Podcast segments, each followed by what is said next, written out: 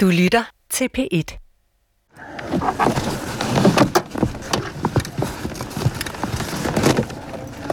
Så er jeg på vej ind på herberget, og øh, hun har lige ringet og sagt, om jeg kan komme øh, her i aften. Og øh, nu er jeg kørt derud, og nu er jeg på vej derind.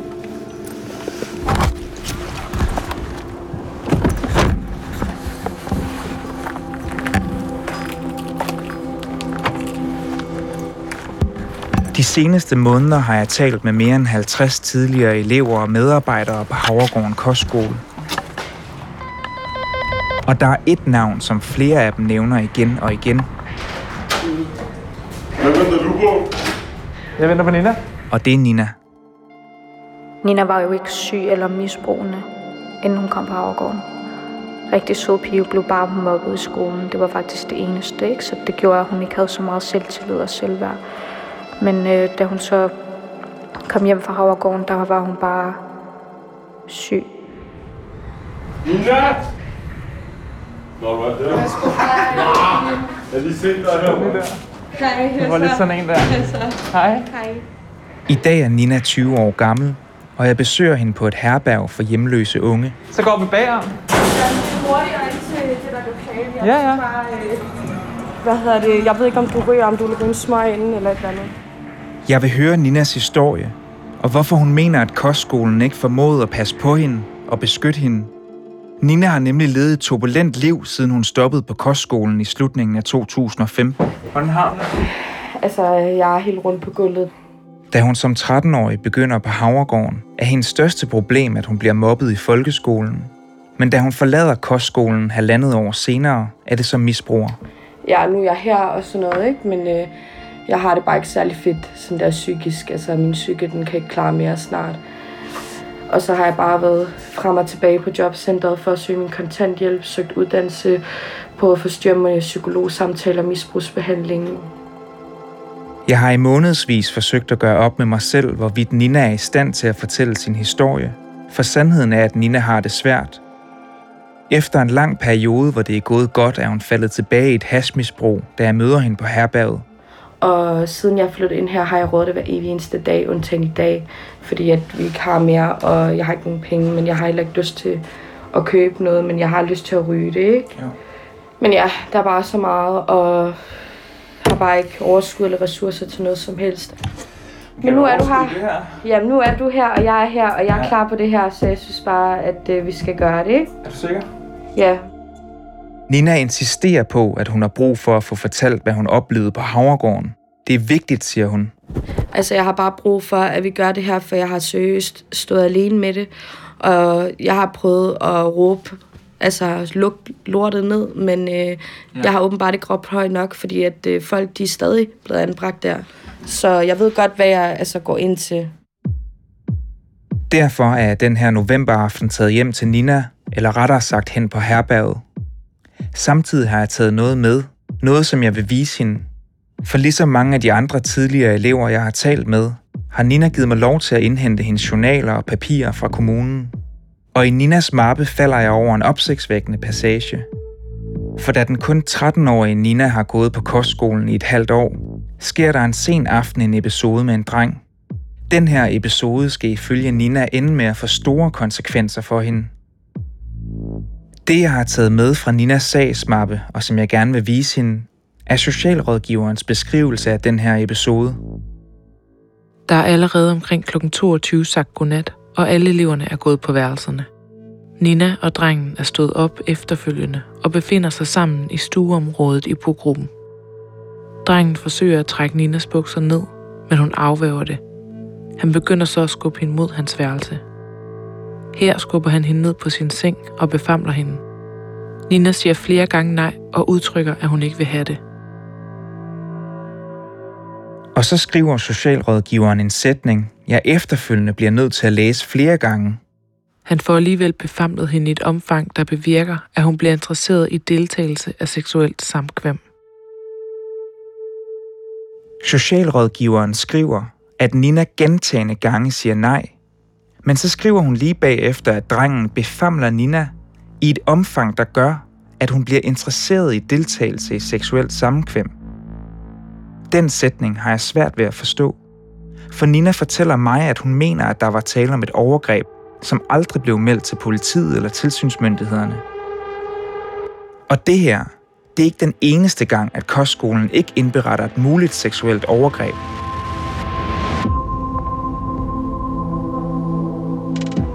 Fra P1 Dokumentar. Mit navn er Christian Stemann. Det her er fjerde episode af Kostskolen, og i den her episode vil jeg advare om, at der vil være scener, der beskriver seksuelle krænkelser og overgreb. Det kan virke barsk, men det er nødvendigt for at forstå den historie, som de tidligere elever fortæller, men også for at forstå omfanget af det svigt, som mange beskriver har foregået på Havregården.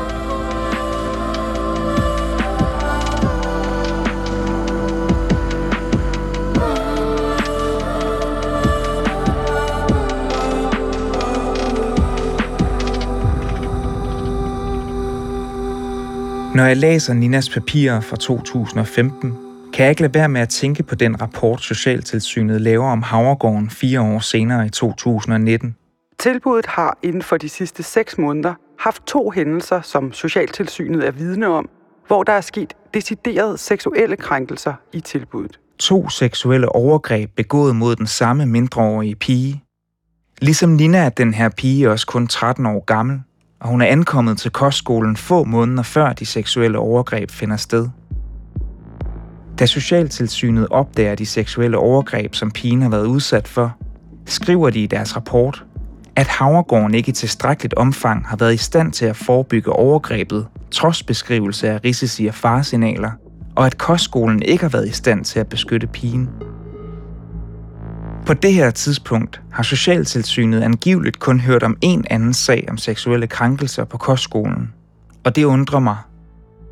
For rigtig mange af de tidligere elever, jeg har interviewet og talt med det seneste år, kan hver især komme med eksempler på, at de har oplevet eller overværet grænseoverskridende og seksuelt krænkende adfærd på Havregården. Det samme gælder stort set alle de tidligere ansatte, jeg også har talt med. Fra mine noter fra de første samtaler med de tidligere elever, er det tydeligt, at det er noget, mange beskriver for mig, når de skal fortælle, hvad de har oplevet på Havregården. Jeg følte mig presset af min situation til at dyrke sex med drengene. Jeg havde ingen andre, og jeg følte mig svigtet af alle. Der var klart nogen, der dyrkede sex for at få beskyttelse. Der var rigtig mange, der troede, at de ville blive en del af fællesskabet, hvis de dyrkede sex. Det var et kæmpe gruppepres. Du overgiver dig selv. Det er ikke for lystens skyld, at du dyrker sex. Flere af de piger, jeg taler med, fortæller også, hvordan de ældre drenge sne sig ud om natten og læser ind ved siden af de yngre piger på pigernes værelser. Noget, som også flere drenge, jeg har talt med, bekræfter. Der var en dreng, der kom ind på mit værelse om natten. Så begyndte han at røre ved mig. Jeg stridede imod, men gav op til sidst. Han var lidt ældre end mig. Du behøvede ikke at sige noget. Et særligt blik til pigen var nok til, at hun vidste, hvad der skulle ske.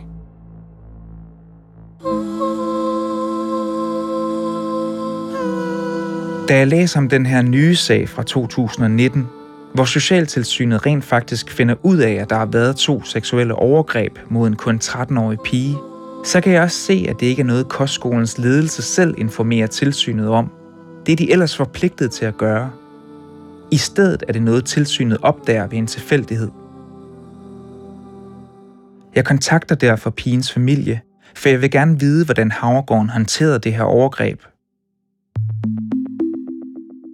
I dag er pigen 15 år gammel, og jeg har med hendes egen og familiens accept fået lov til at fortælle hendes historie. Pigen selv og familien ønsker at være anonyme af hensyn til sagens karakter og pigens alder. Derfor fortæller jeg ikke hendes navn her. Men sagsdokumenterne fra den gang beskriver meget eksplicit, hvad der sker begge gange, hun bliver udsat for et seksuelt overgreb. Første gang er cirka to måneder efter, hun er begyndt på Havregården. Det er aften, og den dengang 13-årige pige ligger på sin seng på sit værelse og ser YouTube men på det tidspunkt noget ældre dreng. Efter noget tid begynder drengen at røre hende i skridtet. Hun flytter hans hånd, men siger ikke nej. Drengen forstår ikke hentydningen til, at berøringen skal stoppe, og derfor fortsætter han, står der i dokumenterne. Pigen har svært ved at komme ud af situationen, men rejser sig til sidst og forlader værelset. I dokumenter fra Pines kommune kan jeg se, at Pines mor giver udtryk for, at hun er dybt frustreret over Havregårdens håndtering. Hun har nemlig allerede fra start af udtrykt bekymring over, at drenge og piger må være på hinandens værelser på kostskolen, og hun har fra starten understreget over for Havregårdens personale, at hun ikke vil have, at der er drenge på datterens værelse. Den samme advarsel rejser pigens hjemkommune også gentagende gange over for Havregården, viser dokumenter for sagen. Pigen har nemlig ifølge moren og kommunen svært ved at sætte grænser. I papirerne fremgår det også, at moren og skolen ikke vælger at anmelde den første episode på værelset, da drengen udtrykker, at han er ulykkelig over situationen og giver pigen en undskyldning, som hun tager imod. Men fire måneder senere bliver den 13-årige pige igen udsat for et seksuelt overgreb, igen på pigens værelse på kostskolen. Det viser en underretning fra en socialrådgiver på Havregården til pigens kommune. Efter lidt filmkig begynder drengen at kærtegne pigen over store dele af kroppen. Pigen fortæller, at hun ved hans berøringer bliver bange og føler, at hun bliver stiv i kroppen og ligger helt stille. Drengen tager fat i hendes arm og fører den ned mod hans lem. Pigen beretter, at drengen efter lidt tid beder hende om at tage bukserne af, hvilket hun gør. Herefter skulle drengen have gennemført analt samleje med pigen. Efter den her hændelse mødes Havregårdens ledelse med politiet og en lokal kommunal sagsbehandler for at diskutere sagen. I et referat for mødet, som jeg har fundet i pigens sagsmappe, kan jeg se, at sagsbehandleren efterfølgende giver udtryk for at være chokeret over Havregården. Sagsbehandleren fortæller, at hun er meget bekymret for forholdene på Havregården. Hun fortæller, at både hun og politiet var rystet over, at Havregården var kommet med udtalelser såsom, at pigen gik meget udfordrende klædt, samt at pigen skulle have udvist seksuelt udfordrende adfærd over for flere drenge på Havregården, samt at det nok var noget, hun skulle arbejde med fremadrettet. Den dengang 13-årige pige bliver altså ifølge den kommunale sagsbehandlers referat beskyldt af Havregårdens personale for at gå udfordrende klædt og for at have udvist en seksuelt udfordrende adfærd. Forstander Morten Ulrik Jørgensen siger til denne her kritik, at han godt kan huske, at dette kom frem, men at skolen undersøgte sagen, og at ingen af kostskolens medarbejdere kendte noget til de her udtalelser. Men hele sagen får pigens kommune til at skrive i referatet. Kommunens opfattelse var, at Havregården fralagde sig et hvert ansvar for den pågældende hændelse og overgreb. Samtidig skriver sagsbehandleren også, at kommunen har oplevet flere lignende bekymrende episoder med Havregården, og at der efter hendes mening er uacceptable forhold på kostskolen. Sagen fører til en politianmeldelse og en efterfølgende retssag. Her erkender drengen, at han har haft sex med en mindreårig, men han bliver ikke dømt for voldtægt. Efter hændelserne fortsætter drengen på Havregården. Sagen med den 13-årige pige får pigens kommune til omgående at afbryde alt samarbejde med Havregården. Men på trods af, at politiet bliver inddraget, så indberetter kostskolen ingen af de to seksuelle overgreb til Socialtilsyn Hovedstaden. Så da Socialtilsyn Hovedstaden selv opdager de to seksuelle overgreb, sætter de kostskolen under skærpet tilsyn og kræver, at Havregården udarbejder en handleplan for at undgå fremtidige seksuelle overgreb på skolen. Men den her plan har manglet i overvis, og det har været et problem, som ledelsen ikke har taget alvorligt, siger tidligere lærer gennem 30 år, Jette Pedersen. Det bliver ved at være i udvalg 7.000 gange. Men altså, da jeg var der, arbejdede jeg også med det. Altså. Hvor lang tid vil du give et bud på, hvor lang tid man arbejder på en fem, fem år. Hvad havde man før det? Ikke noget.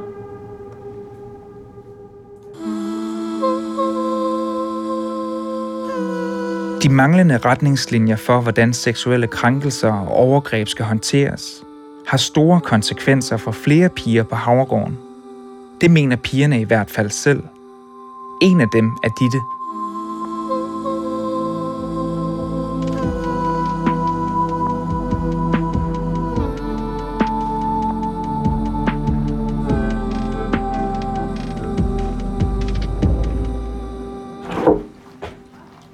Hvor gammel er du? Jeg er 26. Og hvornår gik du på Havregården? Jeg har startet på Havregården i 2007. Og hvor gammel var du? Jeg var 13, da jeg startede. Ditte begynder på Havregården i 2007, 8 år før Nina, Og 13 år før Socialtilsyn Hovedstaden kritiserer ledelsen på skolen for ikke at informere myndighederne om to seksuelle overgreb. På det her tidspunkt er det de enkelte kommuner, der skal føre tilsyn med skoler som Havregården. Og allerede dengang nævner kommunens tilsynsrapporter udfordringer med, at kostskolen optager for udsatte børn uden for målgruppen. Ditte oplever også dengang, at Havregården er et sted med hårdkogte elever, stoffer og alkohol.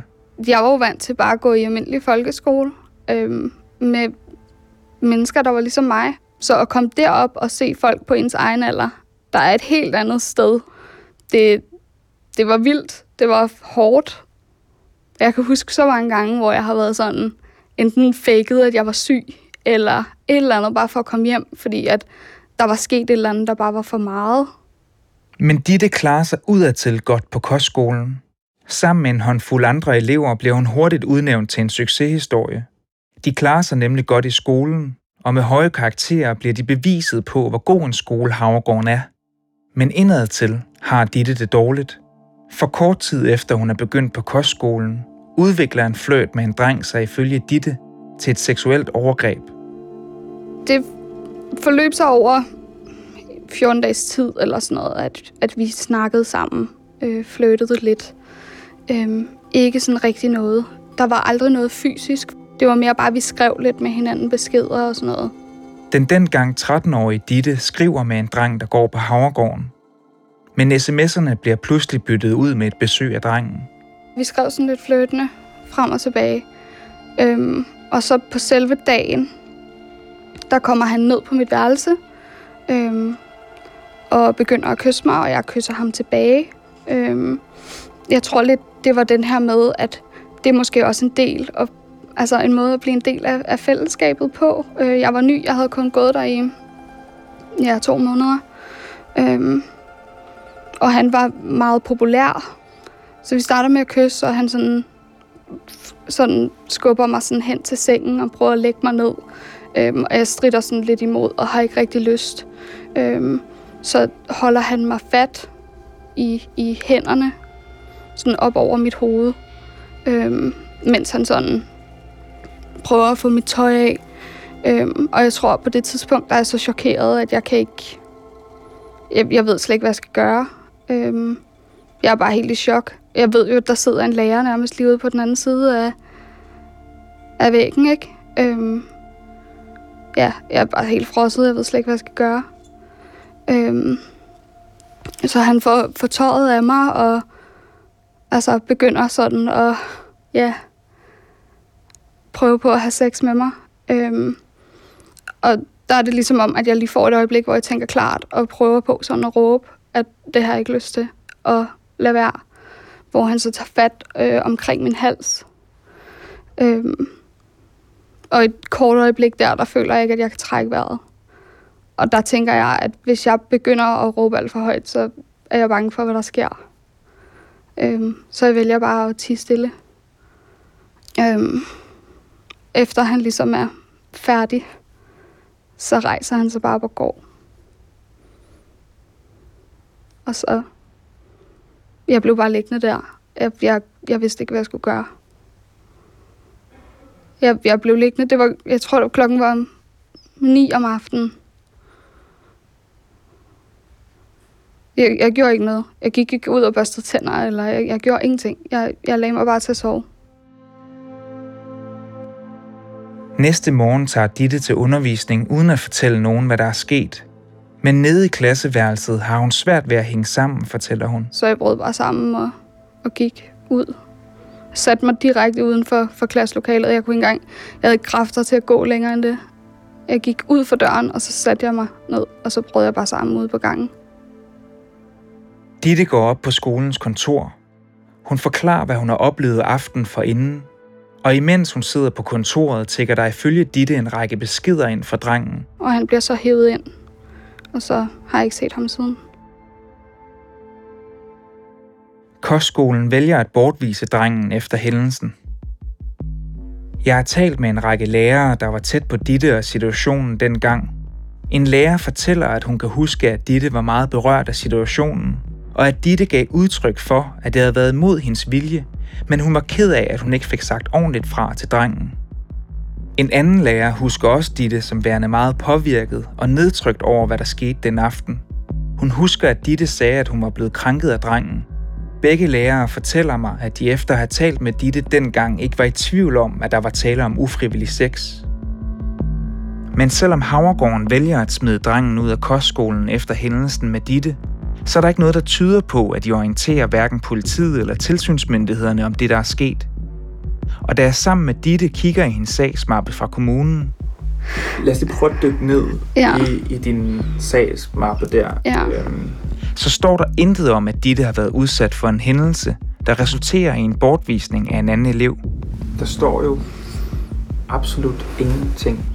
Nej, nej, det gør der ikke. Der står faktisk tværtimod egentlig, at- altså, at du er relativt glad Ja. for skolen.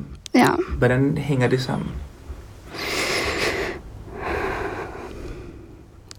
Det er måske også den front, jeg har givet. Altså, udadtil. Øhm, fordi efter det skete, øh, han blev smidt ud. Øhm, men det første år efter, altså, det påvirkede mig, men jeg gik meget med det selv. Øhm, og det eneste, der sådan ligesom står i mine papirer, det er, at jeg har let ved ligesom at, at blive meget følsom. At jeg bare sidder og stiger ud i luften, og tårerne bare triller. Øhm, til det, der står, og det har jo været, at jeg har haft svært ved at, at rumme det.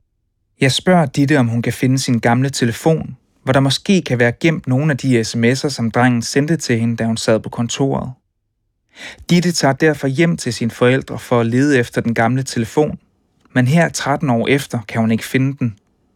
Til gengæld fortæller hun for første gang sin mor om overgrebet. Og der blev hun meget stille, og Det er din mor. det er min mor, ja.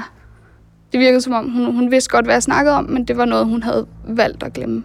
Øhm, og så for et par uger siden, øhm, hvor jeg jo så også har snakket med hende om, at jeg har snakket med dig, og, og hvad der ligesom sker i det, hvor jeg så spørger hende, hvordan fandt I ud af det? Fordi jeg har aldrig snakket med mine forældre om det. Øhm, og der sagde hun, at, at skolen ringede til hende og fortalte, at jeg havde været sammen med en fyr, og det havde ikke været mit eget ønske. Dittes mor fortæller altså sin datter, at hun dengang for 13 år siden fik et opkald fra Havregården, hvor hun blev informeret om, at Ditte havde været udsat for et overgreb. Jeg har efter interviewet talt med Dittes mor. Hun bekræfter, at hun fik opkaldet, men hun kan ikke huske navnet på vedkommende. Hun fortæller også, at medarbejderen fra Havregården lovede hende, at skolen ville tage hånd om sagen. Dengang havde Dittes mor ikke kræfter til at gå videre med sagen, men hun forklarer mig, at hun troede, at kostskolen ville sørge for at informere de relevante myndigheder og kommunen om hændelsen. Men det skete til sydenladende aldrig. De har faktisk ringet til mine forældre, men de har ikke skrevet noget ned om det. Drengen, som Ditte taler om, har ikke ønsket at kommentere de anklager, hun kommer med.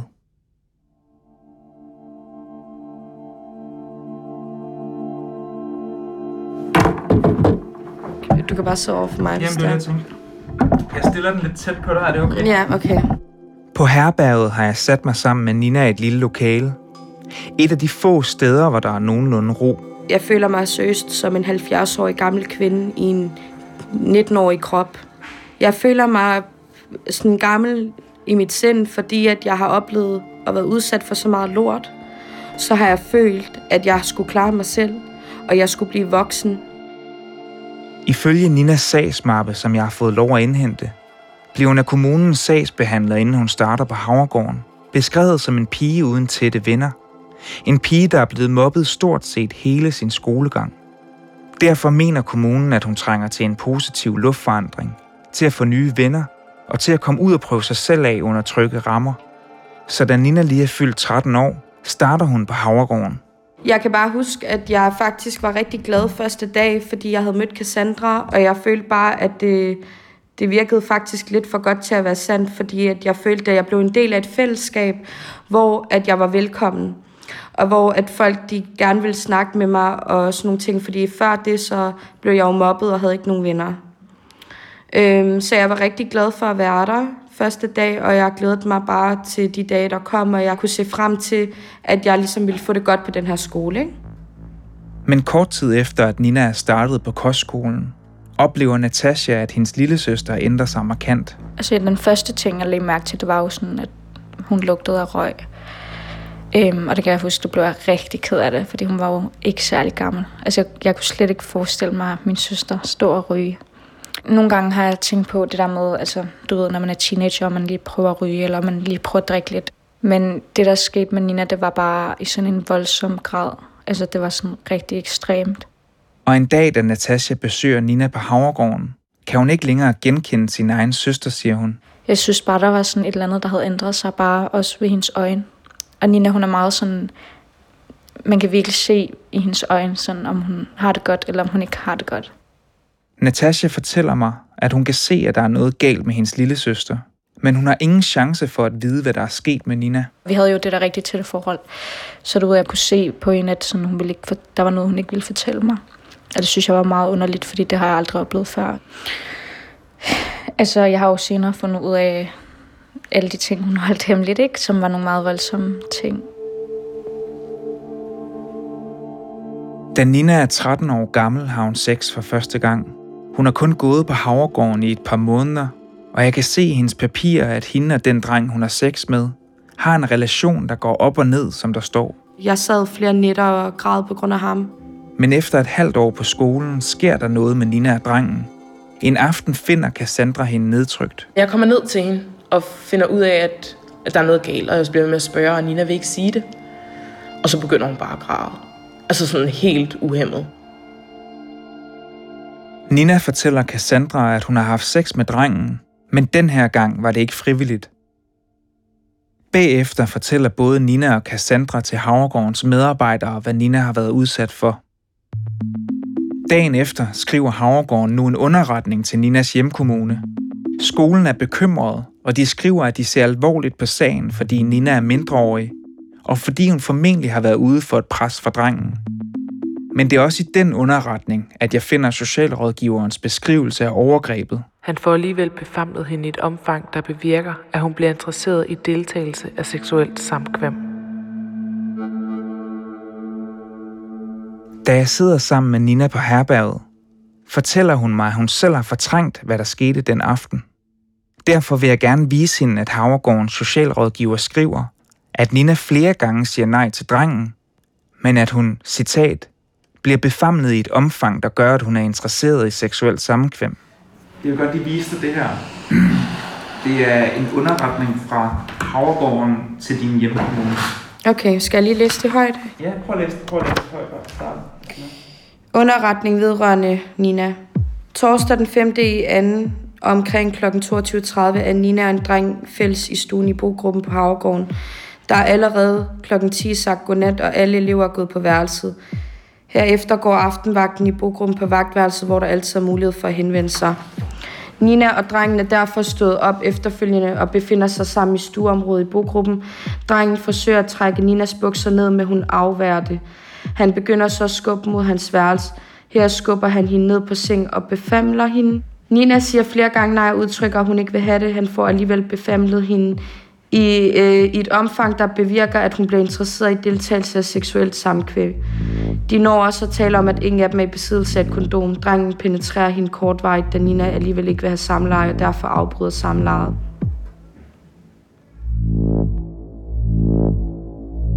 Hvordan er det, Og læse det her fem år efter. når det er følelser? Øh, det ved jeg ikke. Det gør mig selvfølgelig ked af det, og det ved jeg ikke, det gør ondt på mig. Det er svært at tale om. Jeg har faktisk ikke lyst til at snakke om det. Det er fem år siden, det skete. Der er ikke noget at gøre. Det eneste, jeg kan gøre, det er, at øh, jeg kan fortælle dig, hvordan jeg føler. Øh, men jeg har- kan bare mærke på mig selv, at, øh, at jeg, jeg ved det ikke. Altså, jeg kan ikke forstå, hvorfor jeg fortjener at blive udsat for de her ting. Altså, det forstår jeg bare ikke.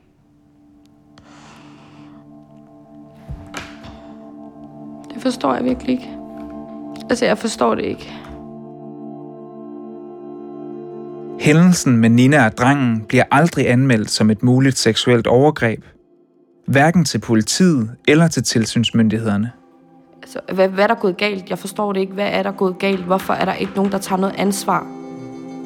Hvorfor er der ikke nogen, der tager noget ansvar, når piger de bliver udsat for sådan nogle her ting? Det er ikke i orden jo, det er strafbart.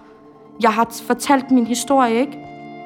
Til så mange mennesker, at jeg ikke forstår, hvorfor de... Altså, hvorfor har de ikke gjort noget? Det er det, jeg ikke forstår. Hvorfor har de ikke gjort noget?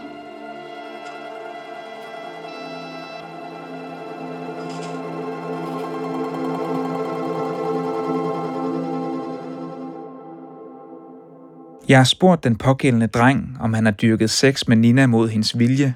Han svarer nej og siger, at han aldrig har dyrket ufrivillig sex med nogen på Havregården herunder Nina. Derudover har han ikke andre kommentarer.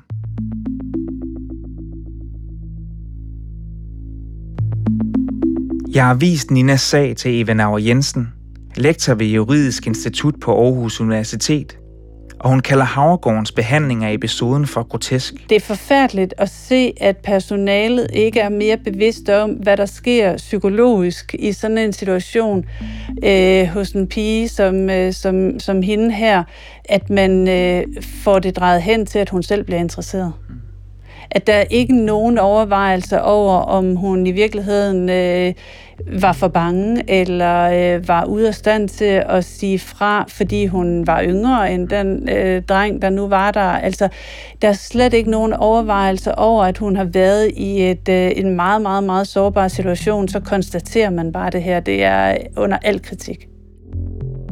Jeg har forholdt underretningen, og særligt den sidste sætning om, at Nina bliver befamlet i et omfang, der bevirker, at hun får lyst til seksuelt samkvem, for den socialrådgiver fra Havregården, der dengang skrev det. Socialrådgiveren husker i dag ikke, hvorfor hun skrev, som hun gjorde, men hun erkender, at det er en mærkelig sætning. At Havregårdens ledelse og Ninas kommune ikke vælger at gå videre med sagen er meget kritisabelt, mener Eva Nauer Jensen. Altså det, det, er helt, øh, det er helt uden for diskussion. Altså allerede fordi hun var så ung, som hun var, så skulle det selvfølgelig have været politianmeldt. Og øh, så er der så det rigtig, rigtig vanskelige, at den øh, pågældende øh, dreng, som begår det her overgreb, er jo også i en vanskelig situation, så han skulle også have haft hjælp det er umuligt for mig i dag at vurdere, om det var acceptabelt, at han blev boende det samme sted. Man kan ikke afvise, at det i nogle situationer godt kan være en fornuftig løsning på selv noget så ulykkeligt som det her. Men, men det er øh, meget bekymrende, at der ikke bliver fuldt mere klart op på en hændelse som den her. Jeg har spurgt Ninas hjemkommune Albertslund om, hvorfor de ikke anmelder sagen til politiet og tilsynsmyndighederne, og om de mener, at de har handlet korrekt i Ninas sag. Til det svarer afdelingschefen i børn og familie, Tine Bugjul. Albertslund Kommune kan kun beklage, at Nina ikke har følt sig ordentligt hjulpet. Når vi kigger ind i hændelserne fra februar 2015, er det vores vurdering, at familieafsnittet har været i dialog med Nina og Havregården i forsøget på at hjælpe Nina i forløbet. I lyset af sagen, her seks år senere, står det klart, at vi skulle have kontaktet politiet omkring hændelsen, så de kunne have set på og taget sig af vurderingen af episoden. Vi kan og skal hjælpe unge i en situation som Ninas. Politiet skal tage sig af det strafferetslige i sådan sager. Og for at det kan ske, er det nødvendigt, at hændelser som i denne sag bliver videregivet til politiet. Det er klart. I dag har vi en anden praksis, der sikrer det.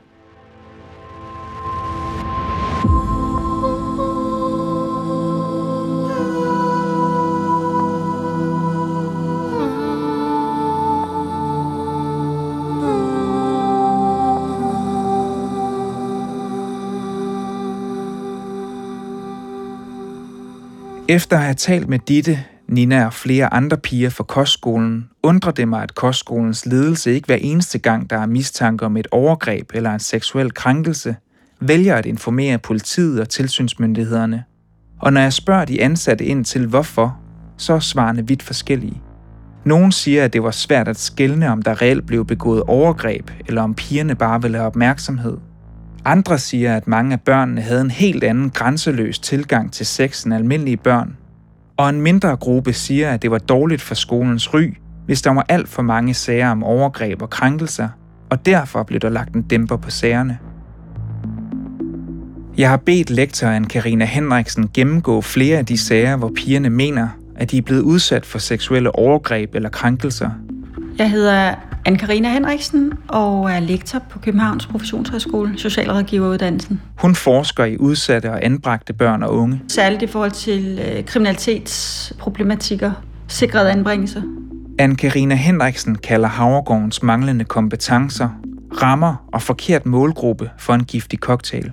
Jeg synes, det er slemt. Jeg synes, det er slemt, fordi de her øh, krænkelser og øh, overgreb har fundet sted over mange år, og man har ikke grebet særlig konsekvent ind over for det. Det var ikke noget, øh, nogen tog særlig alvorligt.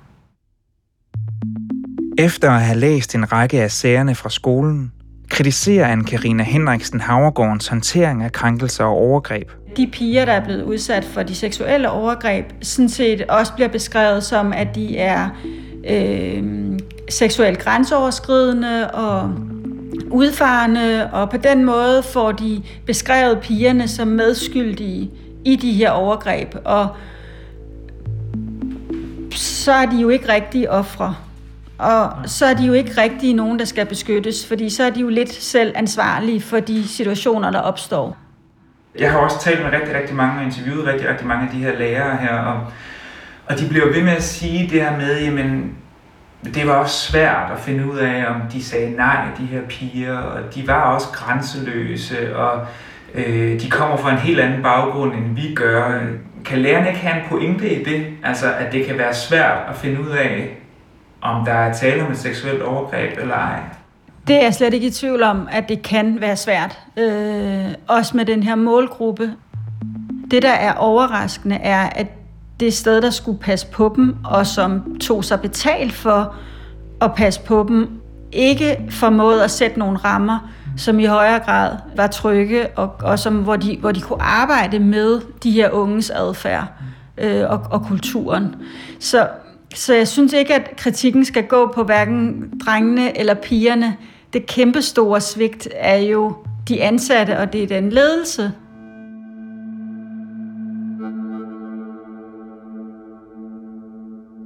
I Ninas sagsmappe, der er over 1800 sider lang, kan jeg læse, at Nina som 13-årig nu prøver både kokain og joints, og at Ninas problemer med stoffer bliver værre og værre. Jeg kan se, at de sociale myndigheder beskriver Ninas adfærd som aparte og speedet. Havde jeg ikke været øh, hvad hedder det, på HG, så havde jeg i hvert fald ikke øh, været her, hvor jeg er i dag. Men jeg tager faktisk fra Havregården med ikke bare et problem, men med flere problemer. En meget sådan drastisk ting var, at Nina ligesom følte, at det var okay, hvis folk udsatte hende for et eller andet sindssygt.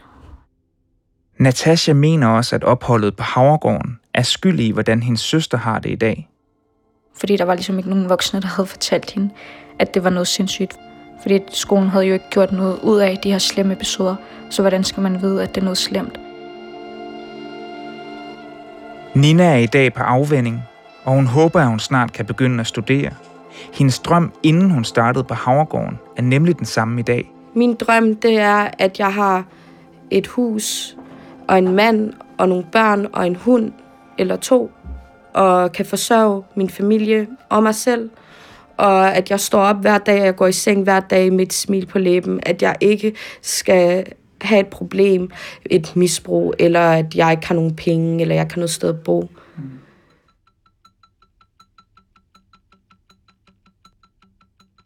Den kritik, der bliver rejst fra de tidligere medarbejdere og de elever, jeg taler med, går altså hovedsageligt på, at Havregården i overvis har optaget børn, der lå uden for den målgruppe, de var godkendt til at have på skolen. Og at det her skaber en situation, hvor medarbejderne ikke er i stand til at håndtere mange af de elever, der går der. Samtidig kritiserer en række tidligere medarbejdere Havregården for at overhøre de mange advarsler, de igen og igen kom med, og for at tilbageholde informationer fra Socialtilsynet.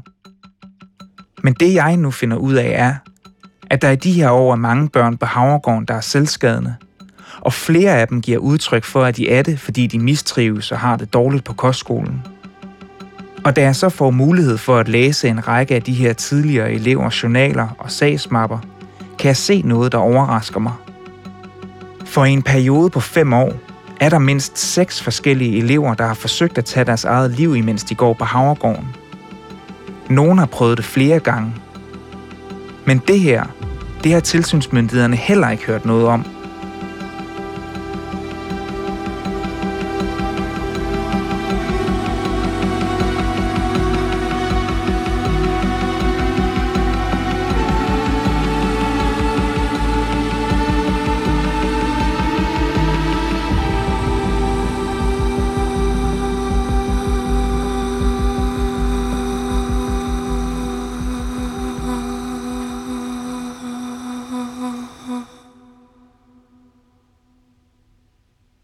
Forstander Morten Ulrik Jørgensen har tidligere forklaret, at han ikke kan genkende, at advarsler fra medarbejderne på kostskolen ikke blev taget alvorligt.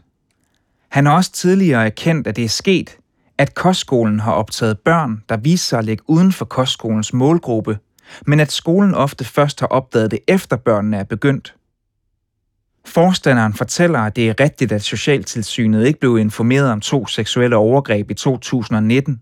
Han siger dog, at det var en fejl, og at skolen lærte af hændelserne. Jeg har samtidig bedt forstander Morten Ulrik Jørgensen om et interview, hvor jeg gerne vil spørge ind til alt den kritik, der bliver rejst af medarbejdere, elever og pårørende. Men han er endnu ikke vendt tilbage på mine henvendelser.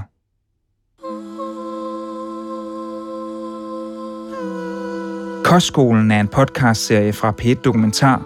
Mit navn er Christian Stemann, og jeg har skrevet og tilrettelagt den her serie – Kia Davis har hjulpet med research, Sine Mandsdotter har klippet og lavet lyddesign, Morten Thorhauge og Asbjørn Kjærgaard Pedersen har komponeret musikken, og Jens Wittner er redaktør.